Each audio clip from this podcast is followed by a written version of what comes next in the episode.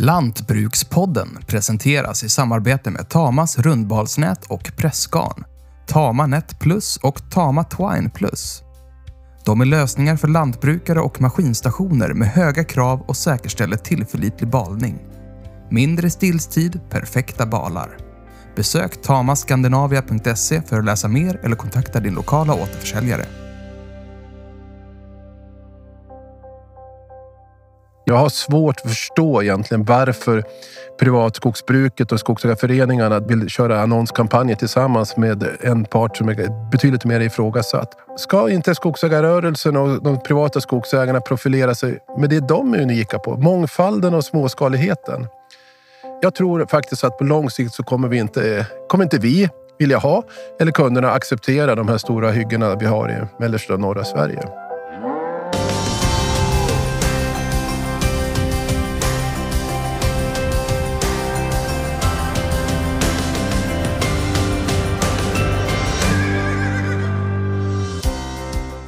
Hälften av den svenska skogen ägs av privatpersoner.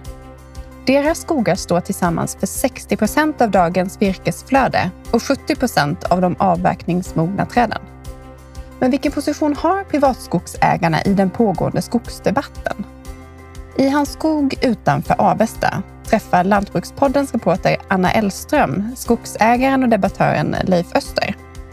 Emellanåt får han känslan att svalla i debatten på Twitter nu ska vi få höra hans syn och åsikter om skogsägande och hur han tycker att skogen borde skötas.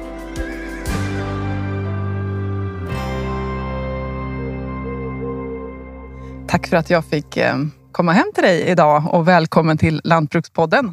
Tack för det och välkommen hit ut i skogen. Mm. Jag har bett dig att ta oss till den plats i din skog där du själv trivs allra bäst. Ja, vi ska gå ut i skogen som ligger precis bredvid där vi bor. Det är en gammal skog som jag tycker väldigt mycket om att vara i. Mm, då går vi. Det här är en, eh, en lite speciell skog för den skulle avverkas 1966 men då såldes vår gård. Och den nya ägaren kom hit och tyckte det var en fantastiskt vacker plats. Eh, skogen ligger mellan två sjöar kan man säga. Eh, så han valde att inte avverka i väntan på att han hade fattat ett beslut. Och så kom vi hit 1990 och då stod den kvar. Och då blev den nästan som en liten trollskog här som vi ska gå in i alldeles strax. Och Leif, vi ska ju prata om vem den svenska skogsägaren är. Och tittar man på statistiken så är den genomsnittliga skogsägaren en man på drygt 60 år som eh, har ärvt en skogsfastighet en fastighet som är helt obelånad och består av mindre än 50 hektar skogsmark. Eh, och han får sin inkomst från annat än skogen i huvudsak och ser skogsägandet mer som en långsiktig investering. Eh, men lika viktigt som ekonomin är då för honom känslan i att äga sin skog. Och mindre än 20 dagar lägger han om året på skogsarbete. Hur väl stämmer du själv in på den här beskrivningen? Jag stämmer ju inte alls in på den beskrivningen för jag ägnar dygnet runt eh, alla årets dagar åt skogsfrågor så att eh, jag är väl en ganska otypisk skogsägare. Sen kan man säga att det blir alltid komplicerat när man beskriver en medelskogsägare. För att vi är ju så otroligt olika. Vi är 315 000 skogsägare i vårt land och alla har ju liksom olika mål och bilder för vad man håller på med. Det är ju värt att komma ihåg att det är en stor grupp kvinnor också. Över 40 procent av skogsägarna är ju kvinnor. Eh, även om de ofta äger lite mindre. Medianskogsägaren, om man är kvinna, äger ungefär 8 hektar och männen ungefär 12 hektar skog. Så att eh, det är stor skillnad mellan medelskogsägare och median. Median betyder ju de flesta. Jag eh, presenterade dig lite kort här, men vilken bakgrund har du egentligen som gör att du kan anses ha koll på både skogsbranschen och de svenska skogsägarna? Ja, jag vet inte om jag har superkoll på skogsägarna.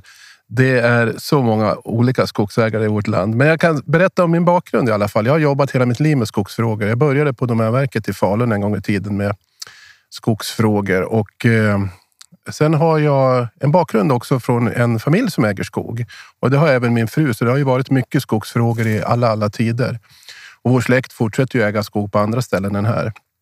Ja, så jobbade jag vidare och blev till slut informationschef på Domänverket och eh, var ett tag PR-chef på Assi Domän i samband med den stora börsintroduktionen. Jag lämnade skogsnäringen ett par år och jobbade som informationschef i några andra företag. Kom tillbaka till Sveaskog som informationschef och totalt blev det 25 år som anställd i skogsnäringen. Men jag har varit skogsägare i 31 år, så det verkar väl vara mitt stora fokus. Mm. Är vi framme nu? Ja, vi är i alla fall framme vid vårt lilla första stopp. Det här är ju en väldigt, väldigt speciell skog vi står i. Den är speciell av flera skäl. Den är orörd sedan 50 år och lite spännande att få visa för våra besökare.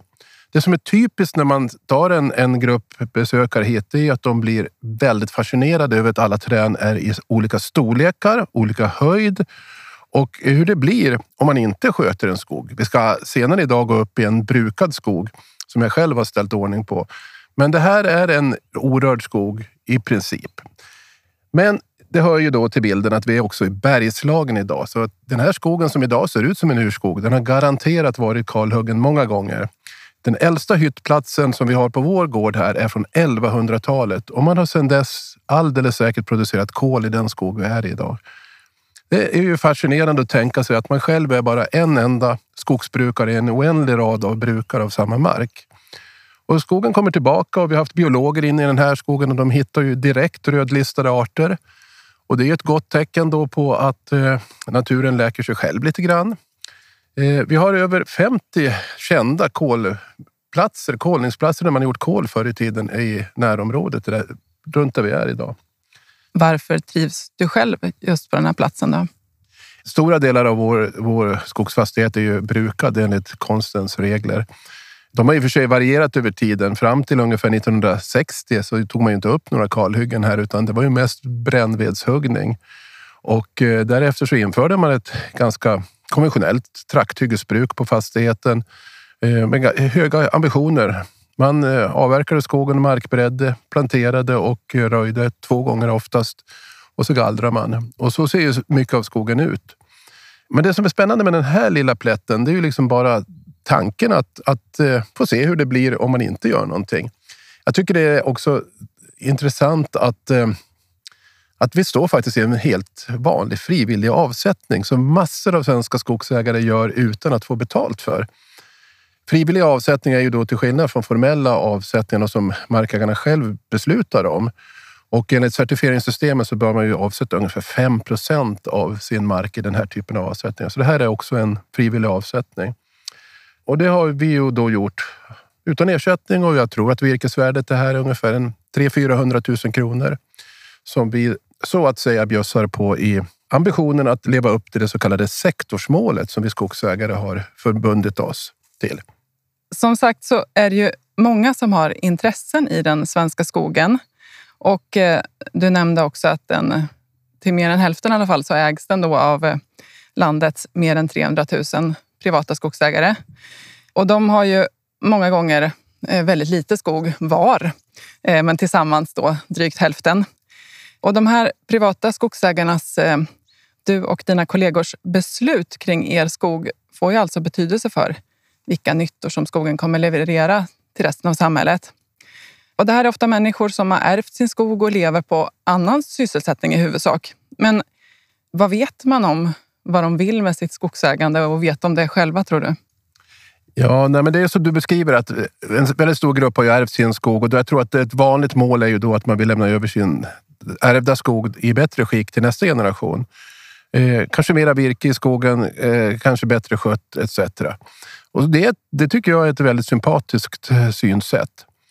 Det finns ju en stor undersökning som görs varje år som heter Skogsbarometern och där har man ju ställt just den här frågan och det visar sig att bara känslan av att äga skog är en viktig anledning till att ha en skogsfastighet. Och det är bara 8 procent som anger att den löpande ekonomiska avkastningen är det viktigaste målet.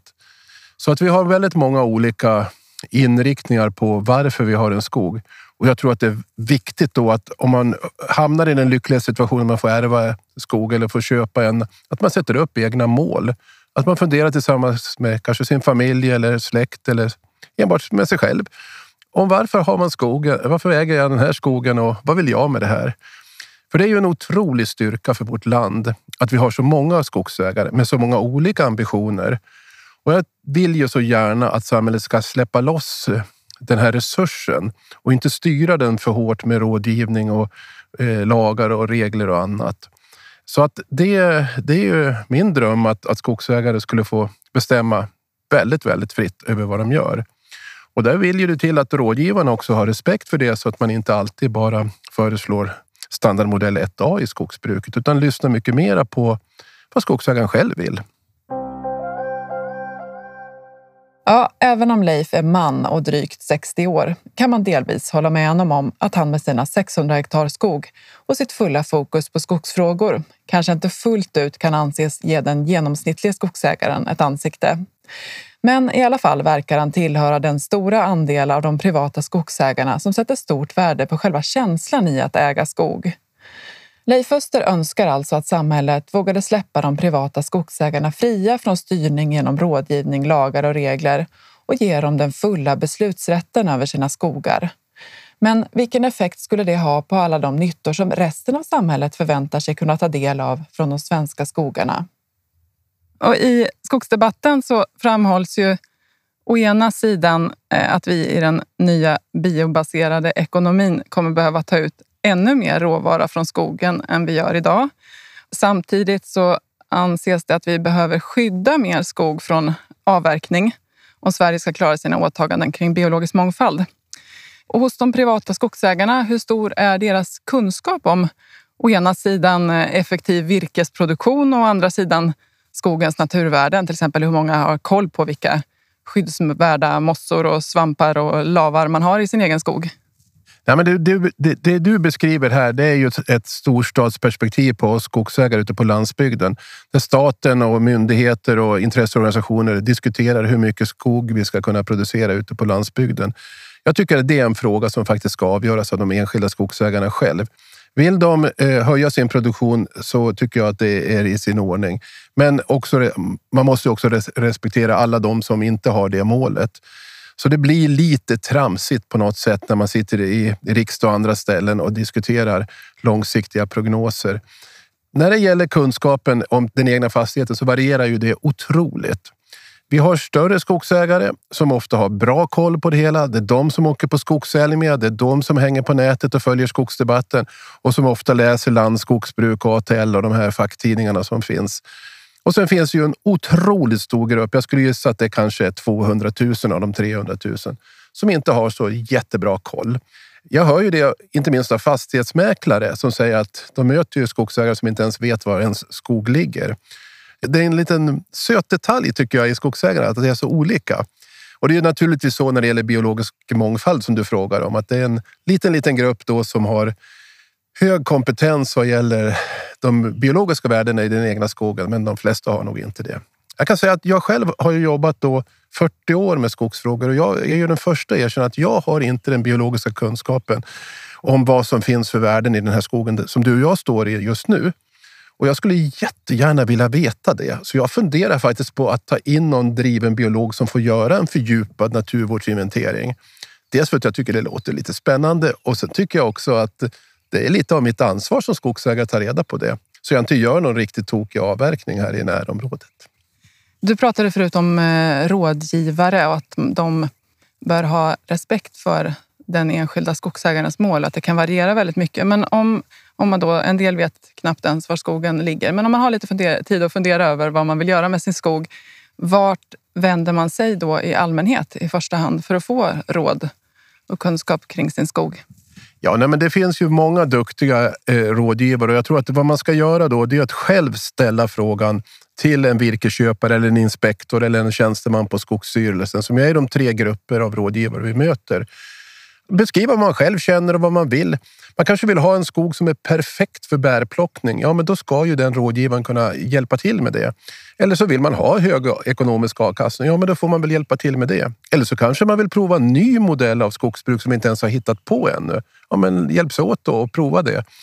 Så det finns många, många skäl. Jag noterar att i min bekantskapskrets så finns det faktiskt några som har köpt eh, fina skogsegendomar i Norrland för att eh, kunna få jaga utan varg.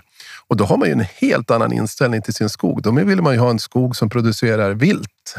Är det de privata skogsägarna som har mest makt över vad som händer i skogen i realiteten? Eller är det någon annan? Är det de här rådgivarna? Vem är det egentligen som påverkar vad som händer i de svenska privatägda skogarna? Ja, på pappret är det så att Sverige har en av världens starkaste äganderätter. Så att ytterst är det ju vi skogsägare som sitter på besluten. Det finns ingen lag i Sverige som säger att man måste avverka skog, även om många tror att det finns en sån lag. Så att vi skogsägare har ju väldigt, väldigt stor makt om vi vill. Men det gäller ju också att ta för sig där, att själv fatta sina beslut och inte låta andra fatta besluten åt en. Hur skulle du tro att det ser ut idag? Då? Är det skogsägarna själva som fattar besluten eller är det andra som fattar dem åt dem i allmänhet? Jag tror att man ganska ofta får kontakt på något sätt med virkesköpare som är intresserade av att avverka i skogsägarens skog.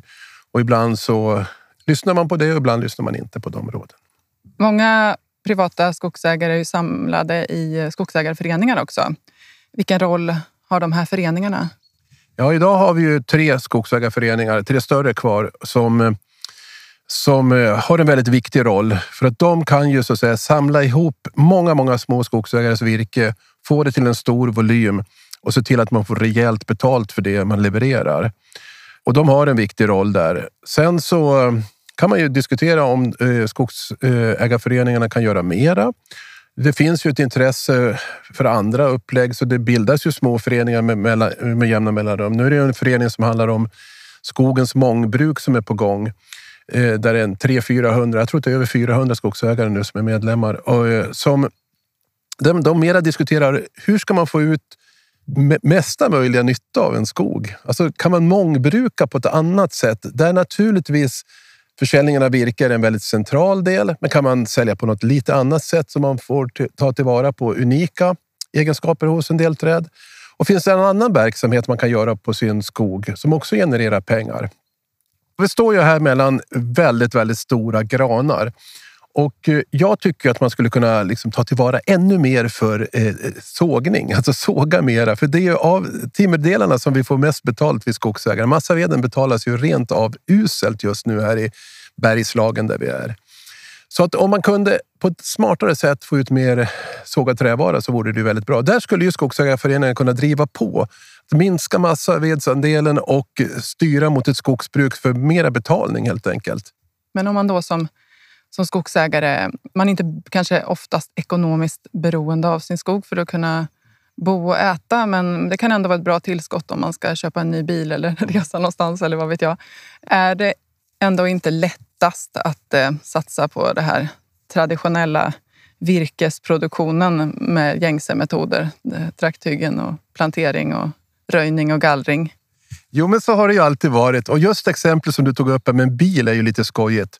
Här i bygden där vi är nu så pratar man faktiskt förr i tiden om ett Mercedes-hygge. Det innebar att man hade räknat ut hur mycket, hur mycket björk man behövde avverka för att kunna köpa en ny Mercedes inne i staden här bredvid. Och det var ungefär 200 kubik. Det räckte för att köpa en ny bil. Nu krävs det 2-3 tusen kubik och det sätter ju fingret på ett av de stora problemen, nämligen att lönsamheten faller ju ute i de areella näringarna. Vi brukar här hemma säga att virkespris, spannmål, kött, mjölk går ner med ungefär 1 procent om året. Och till slut så når man ju en punkt där man har så dåligt betalt så man kan inte kompensera det längre med ökade volymer. Utan måste man tänka om, tänka nytt. Och vi ska alldeles strax gå och titta på en helt annan sorts skog där vi har lagt ner mycket möda på att försöka jobba med precis den frågan. Hur ska man få ner kostnaderna för att i slutändan få ut så mycket pengar som möjligt? Vi går dit tycker jag. Ja. Eh, Eh, vi går ju nu i en skog med väldigt vacker mossa egentligen. Men här har vildsvinen bara för några dagar sedan varit inne och bökat och du ser vad stökigt det ser ut. Vildsvinens framfart, det kan jag säga, det kommer bli ett stort konfliktområde.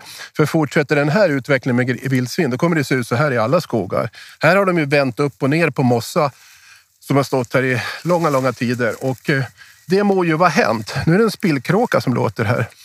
Men i alla fall så här har ju jägarna som har bidragit till att sprida vildsvinen ett enormt ansvar. För tar de, sköter de inte den här frågan, jägarna, och jag är själv jägare, så kommer man ju få hela landsbygden emot sig. Det här kommer väcka så mycket starka känslor. Det är redan på gång. Det ljusnar kan man säga. Vi, kom, vi lämnar grandominans för talldominans här. Leif Öster beskriver alltså en situation där kanske två tredjedelar av de privata skogsägarna inte själva har så jättebra koll på sin skog, hur virkesflödet kan maximeras eller vilka biologiska värden den har. Det finns till och med skogsägare som inte vet var deras skog ligger. Och även om de här skogsägarna i teorin har stor makt över vad som händer i deras skogar är deras rådgivare oftast virkesköpare med ett intresse av att avverka för att förse sina anläggningar med råvara. Trakthyggesmodellen är förmodligen den effektivaste metoden för att få fram mycket virke på kort tid. Men den innebär också stora investeringar för skogsägaren i form av plantering, röjning och gallring. Och eftersom virkespriserna sjunker kontinuerligt undersöker alltså Leif Öster nya sätt att öka det ekonomiska nettot från skogen. Okej Leif, nu som sagt, här var det mer tallstammar och lite smågranar under. Vad är det vi ser? Ja, men din analys är ju helt korrekt. Det är ju stora tallstammar och små granar. Nej, men det här är ju då eh, motsatsen mot det vi tittade på alldeles nyss, där, där vi var inne i en tämligen orörd skog. Det här är en väldigt rörd skog. Det är ett eh, försök med kontinuitetsskogsbruk där vi har tagit bort alla stora granar. Här har det stått en stor gran, en stor stubbe. Ja, en rejäl. Hur gammal var den tror du? Ja, den var ungefär 100 år. Det här är en annan. Och vad vi har gjort här då är att vi har gått över området och försökt bevara marken skogsbevuxen. Och som du ser så finns ju all, allt bäris kvar. Alla svampar kommer ju finnas kvar. Och så gör vi ett försök här där vi släpper upp de här små granarna. Och om man tittar lite noga så ser du att det börjar komma lite längre skott på dem nu efter några år. Ja, hur länge sedan var det ni gjorde det här? Då? Ja, det är fem år sedan vi gjorde, startade försöket och det är ju en, vad man kallar det i skogliga sammanhang för en överhållen tallskärm där vi kommer ta upp luckor. För om man inte tar upp luckor i, ett sånt här, eh, i en sån här skog, då kommer du inte få upp så mycket tall och löv som man vill. Då kommer du bara få upp gran, för granen tål ju att växa under stora träd. Så att, eh, om du tänker det här lilla området som är på ungefär en halv hektar där vi står just nu. Där kommer vi ta bort alla de här stora tallarna och så släpper vi upp tall och gran, eh, tall och löv istället. Då. Och du eh, har ju även funderat på andra sätt att tjäna pengar på skogen eller på din eh, mark än enbart från virkesleveranser. Eh, varför ska man som privat skogsägare fundera över det när den framtida biobaserade ekonomin kommer skrika efter skogsråvara? Jag får ju säga som grundaren till Södra Skogsägare, man ska sprida sina ägg i många olika korgar. Därför att vi vet ingenting om framtiden. Ingen har varit där ännu och kunnat kolla på hur det kommer bli. Det kan bli så att vi får en fortsatt expansion av skogsindustrin. Det kan bli så att skogsindustrin koncentreras på färre enheter som behöver mindre virke och då måste vi ha som skogsägare flexibilitet att eh, skapa inkomster från andra ställen. Och skogen kommer säkert ge pengar på något sätt. Det kan ju vara kemiindustrin som köper vårt virke i framtiden. Vem vet? Om man tittar på det här försöket där vi är just nu så precis som du själv ser så är det ju otroligt mycket stora tallar som står och växer nu. Och det gör att i den samlade kalkylen för skogsägaren så får man, kommer man få ut lite mindre virke från det här kontinuitetsskogsbruket eller hyggesfritt som man eh, oftast säger. Ungefär 20 procent mindre virke än från ett trakthyggesbruk.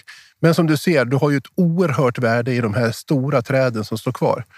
Och jag tycker verkligen att när man pratar om hyggesfritt så ska man dels prata om avkastningen i form av virkeslikvider, men också alltid ha i bakhuvudet vad är din fastighet värd? För som vi pratade om tidigare så är de flesta skogsägare intresserade av att få lämna över sin gård till kommande generationer. Och då är det viktigt att skogen är värd och fastigheten är värd så mycket som möjligt. Och här har vi ju enormt höga värden i den här skogen vi står i. Samtidigt som det är faktiskt en föryngringsåtgärd på något sätt vi gör. Och det här är inget facit. Det är bara ett exempel på hur en skogsägare provar en ny metod.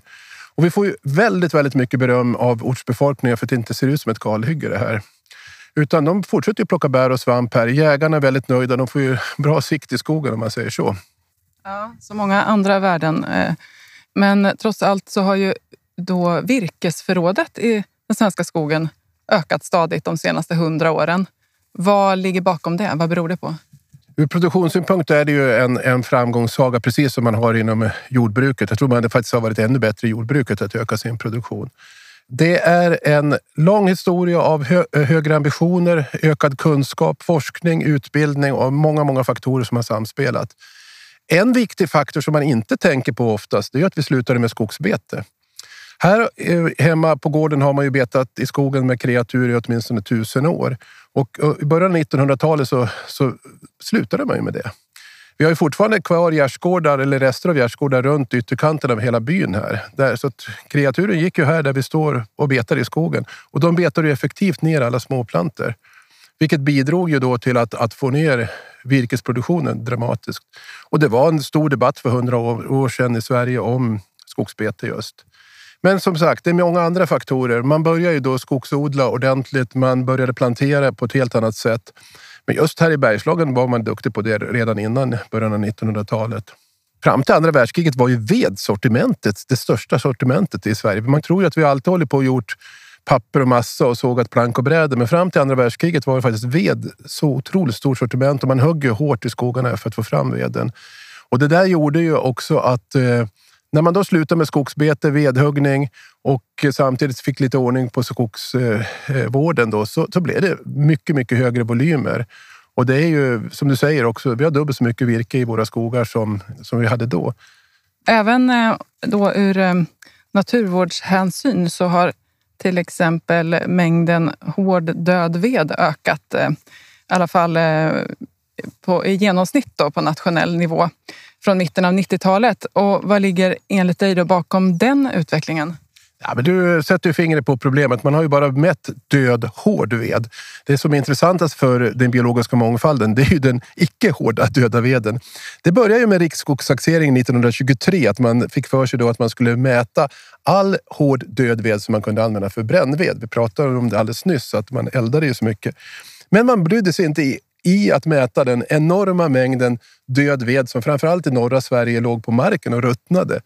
Eh, så vi har faktiskt inte siffror på hur det har sett ut i skogen förr i tiden.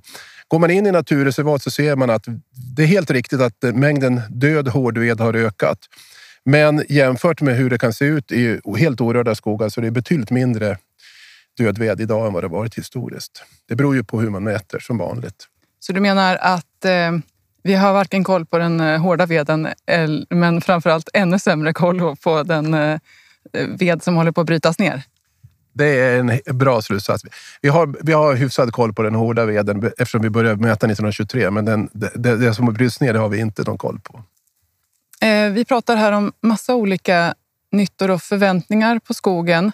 Och du nämnde i början av vårt samtal här att man ska släppa skogsägarna fria. Du har till och med sagt att du anser att skogsvårdslagen ska slopas. Hur tänker du då? Ja, men skogsvårdslagen har ju en lång historia av eh, eh, krav på skogsägare. Det börjar ju med att man ställer krav på att de skulle börja säkerställa föryngring, alltså ny skog ska komma. Och det var säkert relevant 1903 när man fattade beslutet, men nu är det 120 år senare och eh, jag tycker att om man har 315 000 skogsägare som ändå äger skog, så om någon inte skulle plantera efter en avverkning så spelar det väl inte det någon roll. Det löjliga är ju att vi har krav på att vi ska plantera skog, men vi har inget krav på att, att röja. Och röjning är enligt min mening betydligt viktigare än, än att plantera.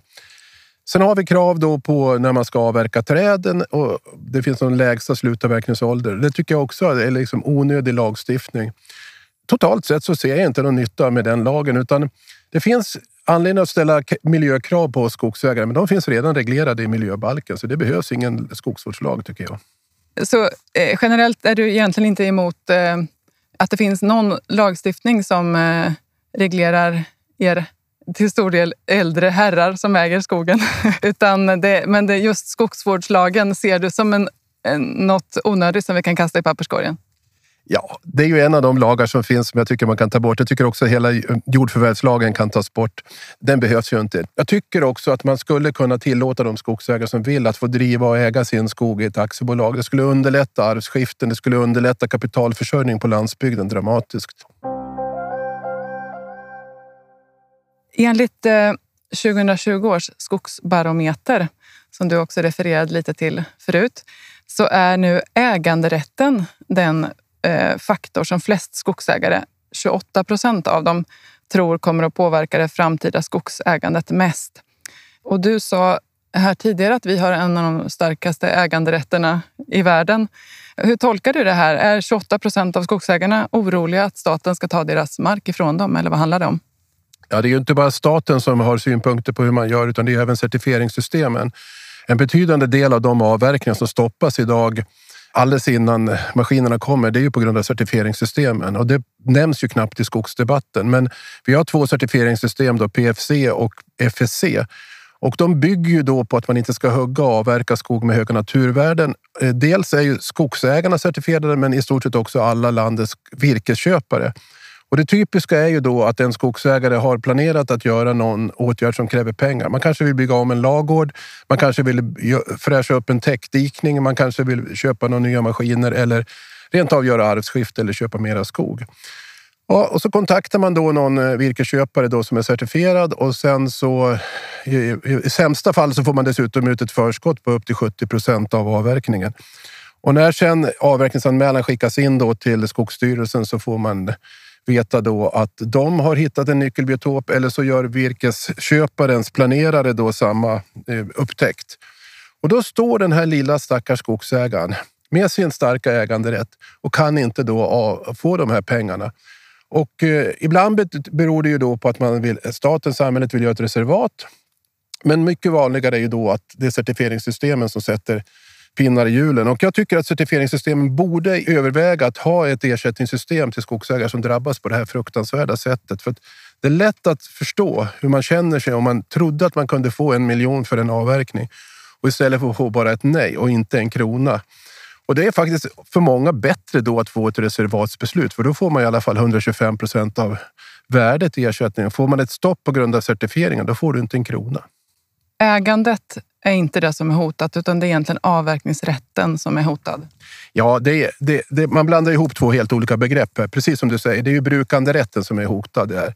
Man, får alltså inte då, man kan inte bruka in skog på det sätt som man har planerat och som generationer har gjort före. Så att det där är ett bekymmer.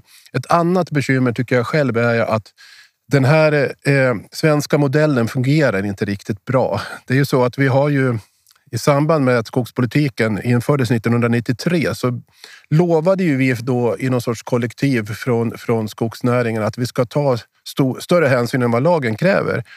Men konsekvensen blir ju då att den lilla skogsägare som tar sina, sitt ansvar och gör avsättningar av det typen som vi tittade på alldeles nyss blir ju så att säga ekonomisk förlorare. Men den som inte tar några hänsyn alls blir ju ekonomisk vinnare. Och det är inte en rimlig modell i ett modernt samhälle. Utan vi skulle behöva ekonomiska incitament för skogsägare som gör schyssta saker för samhället. Egentligen så kan man då tycka att man, man, den som går utöver de krav som normalt ligger på skogsägare skulle få liksom betalt på ett schysst sätt för de nyttor som samhället vill. Jag kan nämna kollagring som ett intressant case just nu.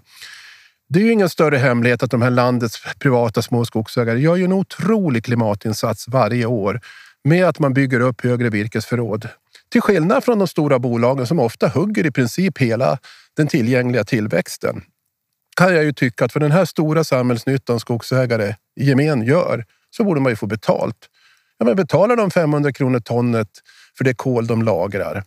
Det tycker jag skulle vara liksom en, en intressant modell att få prata vidare om. Tror du att eh, de flesta privata skogsägare tänker som du? Eller vill man hellre fortsätta få betalt främst genom virkesleveranser? Jag tycker som vanligt att skogsägare får bestämma själv. Jag eh, tycker att, att eh, man ska släppa skogsägarna fria att fatta egna beslut. Och då, är det ju, då kan ju kollagring vara ett intressant alternativ. Eh, och eh, andra kanske vill avverka, men låt dem göra det. När det gäller, när vi pratar om nyckelbiotopsinventeringar här så eh, verkar det som att du tycker egentligen att det är certifieringen som är problemet. Men syftet med certifieringen är väl ändå att generera en merbetalning för naturskydd. Fungerar inte den modellen då för skogsägaren? Ja, men, ja, du har ju helt rätt att tanken med certifieringen var ju att skogsägarna ska få mer betalt och här i närområdet så får man oftast ungefär 20 kronor mer om man är certifierad då per kubikmeter när man levererar in virke. Men en rättvisare modell skulle ju vara att de pengarna istället lades i en fond och sen går de till den skogsägare som är drabbad. För att eh, det är, inte, det är inte rimligt att en skogsägare av sin certifierade virkesköpare får höra att det här kan du inte avverka. Du kan tacka och adjö. Och nu har ju istället då effekten blivit att man har lagt ner nyckelbiotopsinventeringen som ju egentligen var ett sätt att ta reda på var finns de här höga naturvärdena i våra skogar och den var också gratis för skogsägarna. Vem har vunnit mest på att den har lagts ner egentligen? Ja, det vart ju olyckligt. Från början var ju tanken helt fantastisk att, att nyckelbiotopsinventeringen skulle ge ett kunskapsunderlag till oss skogsägare. Och man var väl lite osäker på hur mycket skog det där skulle handla om. Det, jag tror att det är 2,5 procent eller något sånt som nu är nyckelbiotoper. Det kanske finns ett par procent till som är okända då, eller som är idag avsatta. Typ den här skogen vi var inne som är definitivt en nyckelbiotop. Så att eh, det där blev ju tokigt när man börjar blanda ihop en marknadsorganisation som eh, certifieringen är med staten. Jag tycker det är viktigt att hålla isär staten från så att säga, marknaden. Så vad vi behöver nu det är väl att tänka om, tänka nytt och eh, vi har ju fortfarande problemet här att vi skogsägare eh, behöver få hjälp med kunskap. Eh, jag berättade ju själv tidigare att jag har inte själv kunskapen om eh, rödlistade arter och det tror jag gäller de flesta skogsägare. Så vi behöver på något sätt få stöd så vi inte lämnar in de där avverkningsanmälningarna på en skog som inte får avverkas för då hamnar vi i det här klistret som vi just har pratat om. Är det inte kunskapen om nyckelbiotoperna som gör att man inte kan avverka? Eller? Nej, det, så är det inte. Utan det, det, är ju så att de här höga naturvärdena finns ju alltid där oavsett om man har kunskap eller inte. Och en driven planerare ser ju det när den kommer ut och börjar planera avverkning, att det här går ju inte att avverka här. Och då blir det ett stopp. Så att eh, nyckelbiotopsinventeringen det ger möjligen kunskap, men det, ger, det är inte det som stoppar, utan det är de höga naturvärdena som finns i skogen. Och då finns det ju en, en, en trist utveckling att folk inte vill skapa då höga naturvärden därför det kan bli så här då. Men i de flesta fall finns ju de höga naturvärdena redan idag här, i alla fall i min skog. Men om virkesmätaren ändå ser dem, vad var problemet med inventeringen då? Det var ju ett stöd även för virkesköparna. De kunde ju gå in i databasen och se att det där går inte om de gjorde det. De såg ju det. Det var ju ett öppet datasystem. Då menar du att det fanns en lucka här då ändå? Finns inte datasystemet, värdena finns ändå, men det kan avverkas? Nej, men det är väl så här också att det är en flytande gräns. Om du skickar in fem inventerare i samma skog så kommer det vara i många fall när det är uppenbara höga naturvärden, typ där vi har varit inne nu, där kommer nog alla fem säga att det här går inte att avverka. Men, men sen så är det ju både en gräns om hur stort är området och vilka arter har man själv kunskap om. Många av de som gör skogsbruksplaner har inte kunskap om till exempel mossa, lavar och insekter, vilket är ett välkänt problem då, så att många skogsbruksplaner saknar det här ekologiska skiktet och eh, där skulle man ju behöva få hjälp. Eh, om, om skogsbruksplanerna hade haft de här rödlistade arterna på plats, då hade vi sluppit de här frågorna vi pratar nu om. Så här är det en utmaning, men det viktiga är ju då att eh, att vi löser det på ett bra sätt och jag skulle tro att nyckelbiotopsinventeringarna eh, är, placeras nu i ett historiskt fack. Vilket är ett bättre sätt att få in de här arterna i skogsbruksplanen då? Finns det något bättre system än nyckelbiotopsinventeringen? Nej, men jag har själv funderat på den frågan och, och jag har ringt upp ett antal drivna inventerare. Och de är ju ofta biologer, till skillnad från skogsfolk. Då. De begärde ungefär 6 000 kronor per 100 hektar för att göra en fördjupad naturvårdsinventering. Och jag överväger faktiskt att, att låta göra det för att det skulle ju bli en försäkring för mig att slippa hamna i den situationen att avverkningar stoppas framöver. Så att, eh, det kan vara en lösning att man gör fördjupade naturvårdsinventering och att det blir en ny produkt på marknaden helt enkelt. Att den skogsägare som är intresserad får hjälp med att köpa den kunskapen. En alternativ skulle kunna vara att staten tillhandahåller samma information kostnadsfritt eftersom det är ändå staten som vill att vi ska utveckla den biologiska mångfalden. Eh, det vill i och för sig vi skogsägare också göra, men, men staten har ju det som ett politiskt mål. Ja, men eh, skillnaden här är att det, det är skogsägaren som sitter på kunskapen. Den finns inte i något register. Helt rätt. När skogsägare är oroliga över sin äganderätt handlar det alltså enligt Leif Öster egentligen i de flesta fall om att de enligt sin certifiering inte får avverka skog med höga naturvärden. Det är nämligen något som utlovas köparen av det certifierade virket. Men Leif Öster anser alltså att den enskilde skogsägaren kommer i kläm här. Även om certifierat virke genererar en högre betalning tycker han inte att det räcker för att kompensera den enskilda skogsägare som får sin avverkning stoppad. Leif Öster tror att problemet hade varit mindre om de skyddsvärda arterna fanns med i skogsbruksplanerna. Problemet är att de som gör planerna oftast inte har den kompetensen. Om kunskapen behövs för skogsägaren kan det tyckas ologiskt att deras företrädare hejade på ett stopp för nyckelbiotopsinventeringen.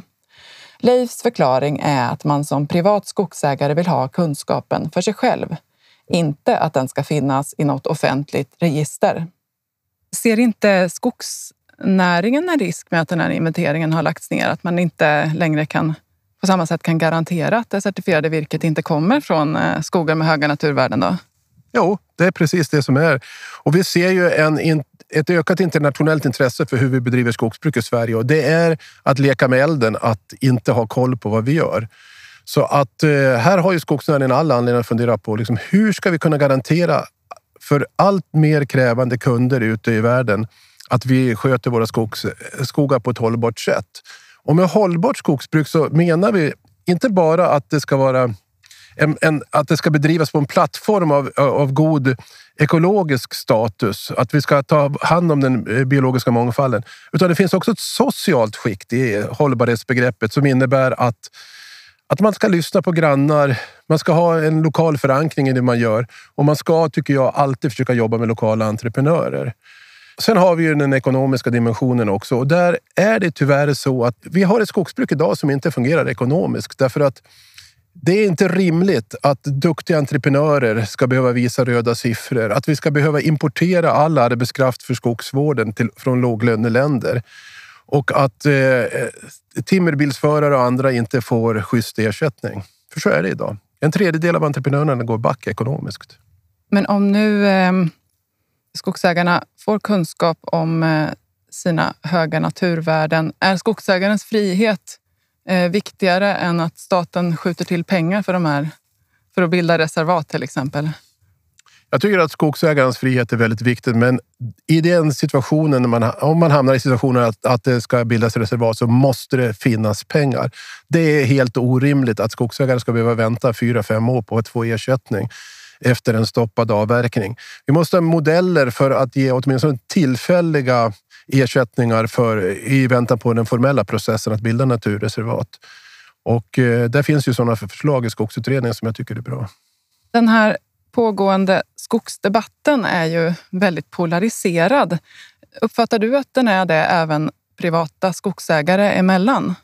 Ja, den är ju polariserad i Stockholm och i riksmedia, men om man kommer ut här i skogen tillsammans med gäng skogsägare. Jag har haft över 300-400 skogsägare i den här skogen där vi står idag, så är inte debatten polariserad här. Utan här handlar det om att få landsbygden att fungera, att få till ett skogsbruk som funkar ekonomiskt och få en landsbygd som lever. Och det är, där har ju skogen en väldigt, väldigt stor roll. Men i riksmedia så blir det ju ofta så att ytterlighetspersoner eh, eh, det vill säga de som tycker man ska maxproducera virke i skogen 100 procent, gärna lite däromkring. Och sen har vi de som inte vill att man ska bruka skogen alls. De blir ju så att säga det svarta och vita alternativet i debatten och eh, det är ganska långt från den skog där vi står idag. Här kan man eh, i lugn och ro prata om, är det här en rimlig modell? Ska vi ha mer av hyggesfria metoder eller är det här fel? Finns det något annat, någon annan modell som är mycket bättre? Och, så då, och då blir det en saklig, lugn diskussion. Man kan dricka en kopp kaffe och man respekterar att varann, alla har olika åsikter och olika tankar om det hela. Det är i skogen som skogsdebatten borde föras. Och där kan även eh, politiker och eh, skogsindustrin föra en sansad debatt menar du? Ja, ja. Jag kan ge dig ett väldigt kul exempel. Precis bredvid dig är en tall just nu som är 140 år gammal. Och de får egentligen inte längre avverkas enligt några system, vilket är helt korkat. Det är klart att man ska kunna avverka riktigt gamla träd om man behöver dem till ett gott syfte. Så att eh, man kan ju inte ha en åldersgräns och säga att å ena sidan ska vi försöka höja, eh, låta träden stå längre och lagra kol. Sen säger jag i nästa sekund att nej, ni får inte avverka 140-åriga tallar. Så det är lättare att förstå om man står här i skogen menar du? Ja, det är det. Och eh, man ser ju grejerna på ett helt annat sätt. Det får även jag förmånen att göra då. Men eh, i den här debatten som förs då i, i media, hur tycker du att de privata skogsägarna har blivit representerade där? Ja, det, jag tycker inte de är representerade i speciellt stor utsträckning. Vi har ju två dimensioner på det hela. Man brukar säga att de, de aktiva, engagerade och intresserade skogsägarna är de som är organiserade i skogsägarföreningar. Det är ungefär en tredjedel. Och två tredjedelar av landets skogsägare är ju inte medlemmar i en skogsägarförening av olika skäl. LRF har ju till exempel en grupp som är medlemmar i LRF men inte medlemmar i en skogsägarförening. Så att ungefär 200 000 skogsägare i Sverige är så att säga inte organiserade. Och jag vet inte alls faktiskt hur de ska få en röst i debatten, men de finns ju där ute och det är, en, det är en väldigt stor grupp. Så det får man ju fundera på. Men sen också på lokal nivå är det ju så att det är ytterst få skogsägare som får utrymme i debatten. Det är ju bara om man går igenom. Jag har ett par tusen klipp hemma i min dator från olika debattinlägg och det är ju ytterst sällan en enskild skogsägare kommer till tals. Och hur tror du att eh, allmänheten uppfattar att de privata skogsägarna har positionerat sig i förhållande till då, å ena sidan skogsindustrin och å andra sidan miljörörelsen som man kanske uppfattar som de stora aktörerna här? Ja, det är en väldigt intressant fråga som du ställer. Jag kan inte svara på den. Men den bilden man får i de här eh, klippen, då, liksom, var placeras skogsägarna där? Det, det, de placeras ju på alla möjliga ställen. Jag tycker personligen att det, att det är en ganska stor skillnad mellan medianskogsägaren som äger 10 hektar skog i Sverige och de här stora skogsbolagen. Och jag har svårt att förstå egentligen varför privatskogsbruket och skogsägarföreningarna då vill köra annonskampanjer tillsammans med eh, en part som är betydligt mer ifrågasatt. En stor del av det skogsbruk som bedrivs söder om Mälaren, det platsar ju faktiskt inom ramen för hyggesfria modeller i Tyskland där man tillåter kalhyggen på en à två hektar i vissa delstater. Så att det är ju en otrolig skillnad mot att komma upp här i nordvästra Dalarna där vi är. Ja, vi är ju Dalarna nu. Där du kan se hyggen på över 100 hektar. Så där, där finns det mycket att fundera på. Ska, ska inte skogsägarrörelsen och de privata skogsägarna profilera sig med det de är unika på? Mångfalden och småskaligheten. För jag tror att jag tror faktiskt att på lång sikt så kommer vi inte, kommer inte vi vilja ha eller kunderna acceptera de här stora hyggena vi har i mellersta och norra Sverige. Eh, och där tror, att du, tror du att det kan vara bättre att eh, driva den frågan separat från eh, de stora skogsbolagen, inte tillsammans med dem? Ja, nej, exakt. Jag, jag, tycker också att vi skogsägare borde titta mycket mer på jordbrukare. För jordbrukare har, de gör en massa saker som jag är imponerad av. Till exempel en gång så var det ju en debatt mellan liksom konventionella brukare och ekobönder, men idag är det på ett helt annat eh, sätt accepterat att man har en ekologisk inriktning på sitt skogsbruk eller på sitt jordbruk. Där borde ju vi skogsägare ta efter. Nej, men det är som det här försöket vi står i här med hyggesfritt eller kontinuitetsskogsbruk. Det blir ju liksom kritiserat. För att, jag blir kritiserad då för att, att, man, att vi provar en e- kanske mer ekologisk form av skogsbruk det, jag får ju, eh, får ju höra då att det här aldrig kommer fungera etc. etc. i ganska tuffa ordalag i en del debatter. Men jag har inget problem med det egentligen, för jag vet ju att det här är ju det är ett sätt att föra utvecklingen framåt, att våga prova nytt. Det är ju skogsindustrin som är bekymrad för att det här ger mindre virke till massaindustrin. Sen kan man ju säga att även de stora bolagen har ju också eh, anledning att, att, att få fram någon med ledartröja på jag tycker att till exempel statens eget skogsbolag Sveaskog skulle kunna göra mycket mera vad gäller att utveckla nya metoder. Det är väl ett gott skäl till att ha ett stort statligt skogsbolag. Det är väl att de utvecklar nya saker och inte bara kör med standard 1A trakthyggesbruk. Sen certifieringssystemen som vi har pratat om en del idag, de har ju också sagt, eh, i alla fall FSC då, att de gärna ser att alla större aktörer börjar jobba med, med, mer med nya metoder. Vi har eh, tittat här på en yta med höga naturvärden i din, med en historik av kontinuitetsskogsbruk och eh, här en yta där du experimenterar med eh, ja, också kontinuitetsskogsbruk, hyggesfritt. Vad har du mer för planer framöver då, i din egen skog? Nej, men jag, jag, ska väl ägna sommaren lite grann åt att kalkylera och få lite ekonomer att räkna på lite olika modeller i skogsbruket. Det är ju, ytterst handlar ju det här om företagande och hur man ska få bästa samlade resultat på sista raden. Det är väldigt intressant att titta på hur ser det här ut 10, 20, 30, 40, 50 år framåt i tiden. Om man tänker sig det skogen vi står i nu, om man hade tagit upp ett kalhygge, då, vad hade det gett för effekter? Och av den anledningen kan jag berätta då att vi har tagit upp tre små eh, hyggen runt om här på mellan en, en halv och en hektar vardera som referensytor. Så vi kommer kunna få skarpa siffror på hur det här försöket går i förhållande till eh, konventionella metoder. Så det där blir ju spännande. Sen ska vi väl utveckla lite mer kring det, vår andra verksamhet som är ju besöksnäring. Vi har ju en liten småskalig konferensanläggning ute i skogen och eh, det har varit elva fantastiskt intressanta år och det är en bra kombo här mellan eh, besöksnäring och skogsbruk. Jag tar alltid ut gästerna här i skogen och diskuterar de här frågorna. Om man tar de här tallarna här till exempel så ser man ju direkt när man står i skogen att det är två sorters bark på dem. Det är ju skorpbark längst ner och det är glansbark längre upp. Så kan man stå och förklara att de här träden är gjorda för att överleva i skogsbränder. Det är därför de har den där barken medan den mer funktionella barken är högre upp. Då. Så att eh, det finns mycket att prata om och det är ju ett otroligt intresse bland svenska folket för skogsfrågor när de är ute i skogen. Jag tror inte intresset är lika stort när de sitter framför tv-apparaterna. Så att de här reklamkampanjerna vi har lagt 100 miljoner på, då kan man ju fundera på om inte skogsägarnas pengar kunde använts till något bättre. För att skogsdebatt ska föras ut i skogen och om vi alla skogsägare hjälptes åt lite grann att ta ut flera människor i skogen så tror jag att vi skulle kunna få en betydligt bättre och lugnare debatt. Och den här besöksnäringen, förutom att eh, du hjälper till att eh, folkbilda så eh, drar du också in en del pengar på det jämfört med på virkesproduktionen. Ja, nej, men det, är ju, det är ju fascinerande att se att man på ett dygn med tio betalande konferensgäster kan dra in mer pengar än vad man efter 30 år får i en första gallring. Så att det är ju det är ett bra komplement. Men skogen är ju något speciellt. Det är ju så roligt att få vara ute i skogen som vi får vara idag här. Ja, men då får jag önska dig lycka till både med den njutningen och alla andra projekt du har här eh, i din skog och i debatten. Tack för att eh, vi fick komma hit med Lantbrukspodden. Tack så mycket och jag vill verkligen säga att det är oerhört roligt att träffa landets olika skogsägare och det finns så fantastiskt många duktiga skogsägare, engagerade och intresserade. Det bevisas ju också att vi äger hälften av landets skogar, men vi står för 60 procent av avverkningarna och 70 procent av de äldre slutavverkningsbara skogarna ägs av privata skogsägare. Där. Sam Segerblom har klippt avsnittet och jag som har producerat heter Louise Karlsson Örning. Vill ni komma i kontakt med oss går det bra att mejla på lantbrukspodden landlantbruk.se. Lantbrukspodden görs av Land Lantbruks redaktion som är en del av LRF Media.